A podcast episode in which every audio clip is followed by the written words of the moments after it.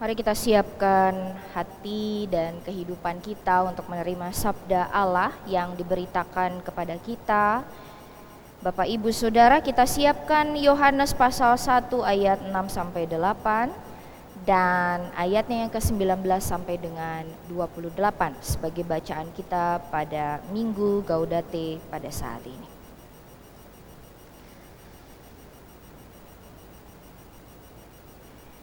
Mari kita berdoa memohon pertolongan Tuhan. Jika kami dapat memasuki minggu Advent yang ketiga pada saat ini, beribadah bersama-sama, baik para pelayanmu di gedung gereja maupun umatmu yang ada di rumah, itu bukan karena kekuatan dan keperkasaan kami, ya Allah kami menyadari detik demi detik kehidupan kami dikuasai roh Allah. Allah menuntun, menyertai, menguatkan, membimbing kami di jalan yang benar. Tuhan, dalam kasih setia dan penyertaan-Mu yang kami rasakan, saat ini kami mau belajar untuk lebih memaknai sukacita dalam iman dan percaya kami. Mungkin pandemi belum selesai, tetapi tak menjadi halangan bagi kami untuk dapat bersuka cita. Karena itu, ketika saat ini kami boleh menyendengkan telinga, hati, dan kehidupan kami atas sabdamu yang diberitakan kepada kami. Pimpin kami ya Roh Kudus, supaya kami dapat menjadi pendengar yang memahami dan melakukan sabdamu dalam hidup kami.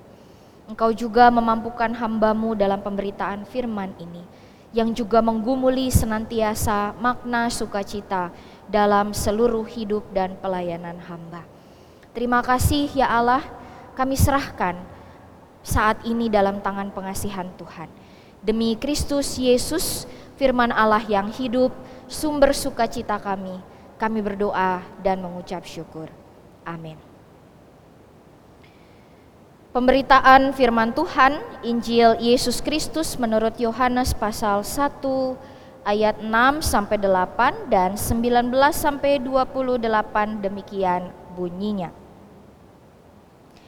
Datanglah seorang yang diutus Allah namanya Yohanes. Ia datang sebagai saksi untuk memberi kesaksian tentang terang itu supaya oleh dia semua orang menjadi percaya. Ia bukan terang itu, tetapi ia harus memberi kesaksian tentang terang itu. Dan inilah kesaksian Yohanes ketika orang Yahudi dari Yerusalem mengutus beberapa imam dan orang-orang Lewi kepadanya untuk menanyakan dia, "Siapakah engkau?" Ia mengaku dan tidak berdusta, katanya, "Aku bukan Mesias." Lalu mereka bertanya kepadanya, "Kalau begitu, siapakah engkau?" Elia, dan ia menjawab, bukan. Engkaukah nabi yang akan datang? Dan ia menjawab, bukan. Maka kata mereka kepadanya, siapakah engkau? Sebab kami harus memberi jawab kepada mereka yang mengutus kami. Apakah katamu tentang dirimu sendiri? Jawabnya, akulah suara orang yang berseru-seru di padang gurun. Luruskanlah jalan Tuhan, seperti yang telah dikatakan Nabi Yesaya. Dan di antara orang-orang yang diutus itu ada beberapa orang Farisi. Mereka bertanya kepada katanya, "Mengapakah engkau membaptis jikalau engkau bukan Mesias, bukan Elia, dan bukan nabi yang akan datang?" Yohanes menjawab mereka, katanya, "Aku membaptis dengan air, tetapi di tengah-tengah kamu berdiri dia yang tidak kamu kenal, yaitu dia yang datang kemudian daripadaku." Membuka tali kasutnya pun aku tidak layak. Hal itu terjadi di Betania yang di seberang sungai Yordan di mana Yohanes membaptis. Berbahagialah kita semua yang mendengar firman Tuhan serta memeliharanya di dalam hidupnya. Maranatha.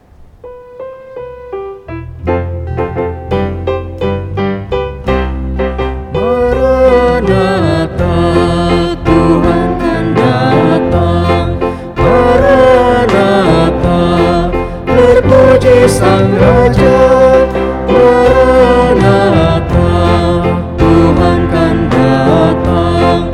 Maranatha Terpuji sang raja.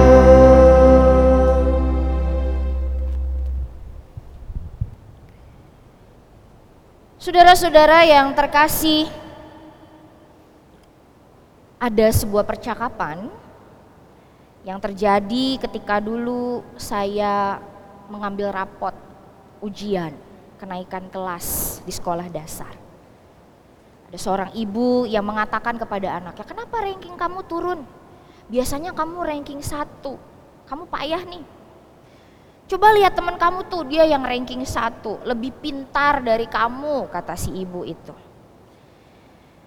Ibu, bapak, saudara yang terkasih, dunia kita ini penuh dengan kompetisi ya. Kita semua bersaing untuk menjadi yang terbaik. Saya percaya bapak ibu saudara tahu kan banyak motivator-motivator.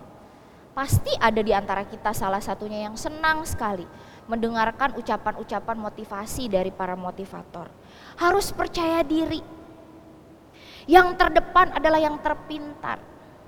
Yang terbaik adalah tersukses, terbesar, tercerdas.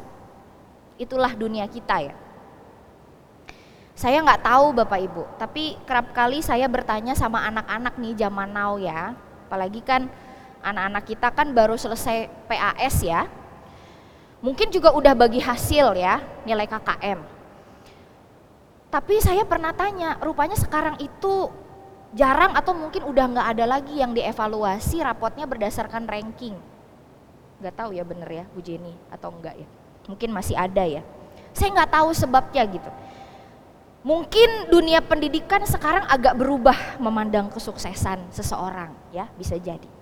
Tetapi dunia kita ini tetap minta kita untuk jadi yang terbaik, yang terbesar, yang terdepan, tersukses dong. Gitu ya. Dan Bapak Ibu Saudara, ini nggak berlaku untuk seseorang pengkhotbah populer yang namanya Yohanes Pembaptis. Sebenarnya bukan hal yang mudah untuk orang yang populer dengan banyak pengikut seperti Yohanes untuk mengatakan saya bukan yang kamu cari bukan aku, tapi dia. Kan kita selalu mau jadi yang dicari-cari. Kita selalu mau jadi the one and the only one.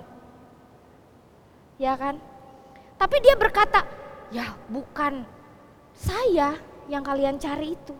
Nanti atau saat ini sedang datang. Saya justru sedang memberitakan kedatangannya. Jadi bukan saya, bukan. Bukan. Ke dia aja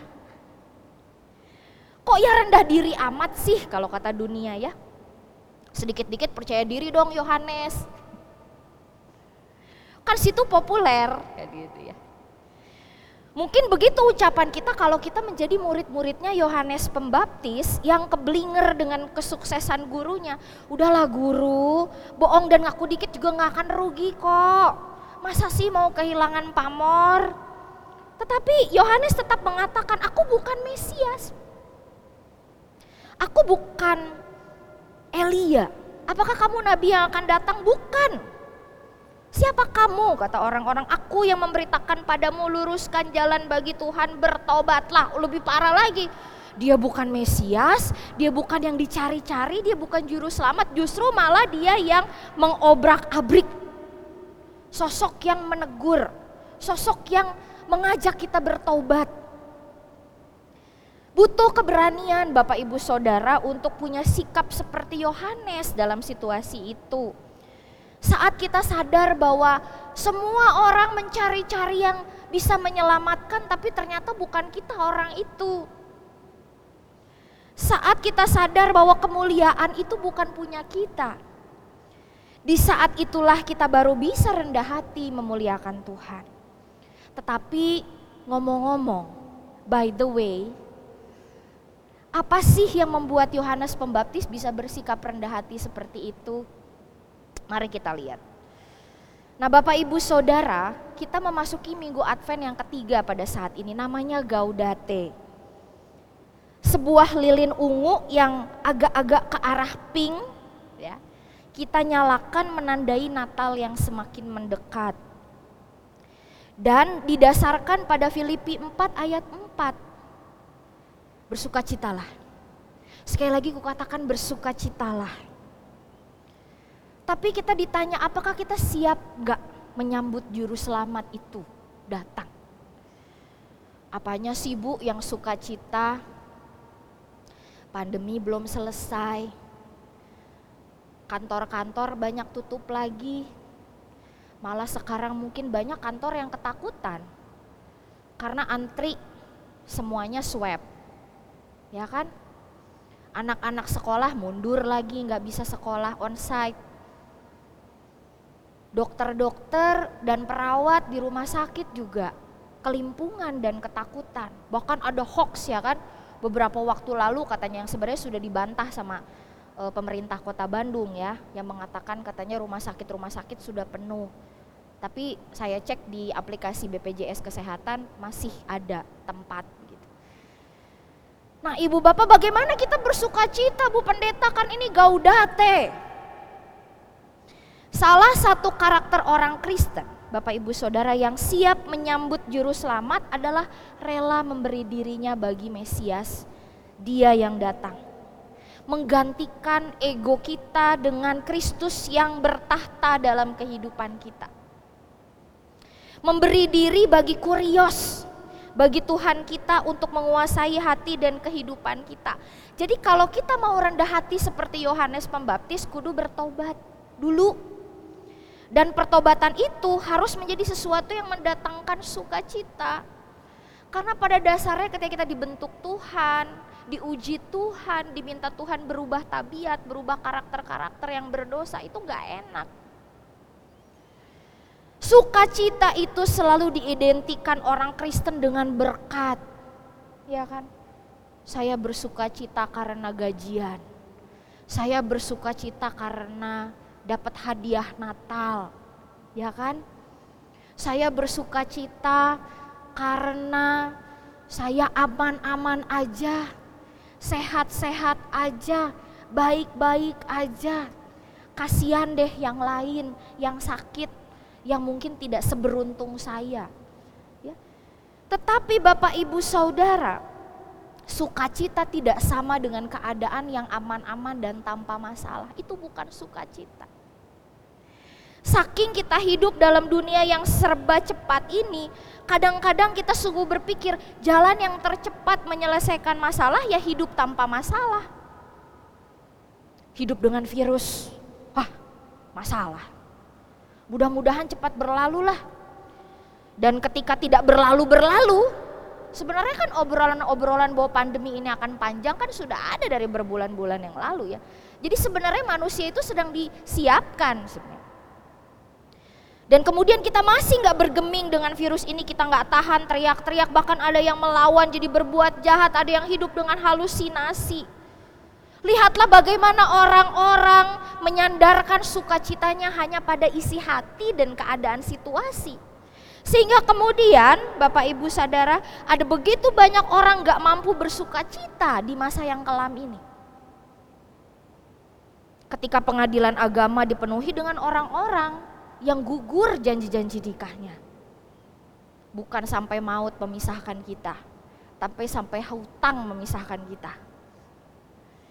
Lihatlah ada begitu banyak orang yang gak bisa bersuka cita di dalam Tuhan ketika banyak kekerasan yang terjadi pada pasangan dan anak. Kriminalitas, koruptor yang sebenarnya merupakan orang terhormat tapi bersedia menjual harga dirinya di atas perut lapar orang-orang yang miskin dan sengsara. Emangnya kalau ketangkep karena korupsi teh bersuka cita? Enggak. Inilah tanda dari orang-orang yang nggak mampu bersuka cita Bapak Ibu. Nah karena itu itu bukan sukacita. Sukacita itu bukannya hidup tanpa masalah. Kita nggak akan bisa memaknai sukacita kalau hanya mendapat yang enak-enak aja dalam hidup Bapak Ibu. Kita tidak akan bisa memaknai sukacita kalau kita cuma tenggelam dalam ritual ibadah kita tanpa peduli dengan masalah moral yang kita harus selesaikan dalam diri kita. Kita nggak akan pernah memaknai sukacita sejati kalau hanya memikirkan kepentingan diri sendiri dan lupa berbagi.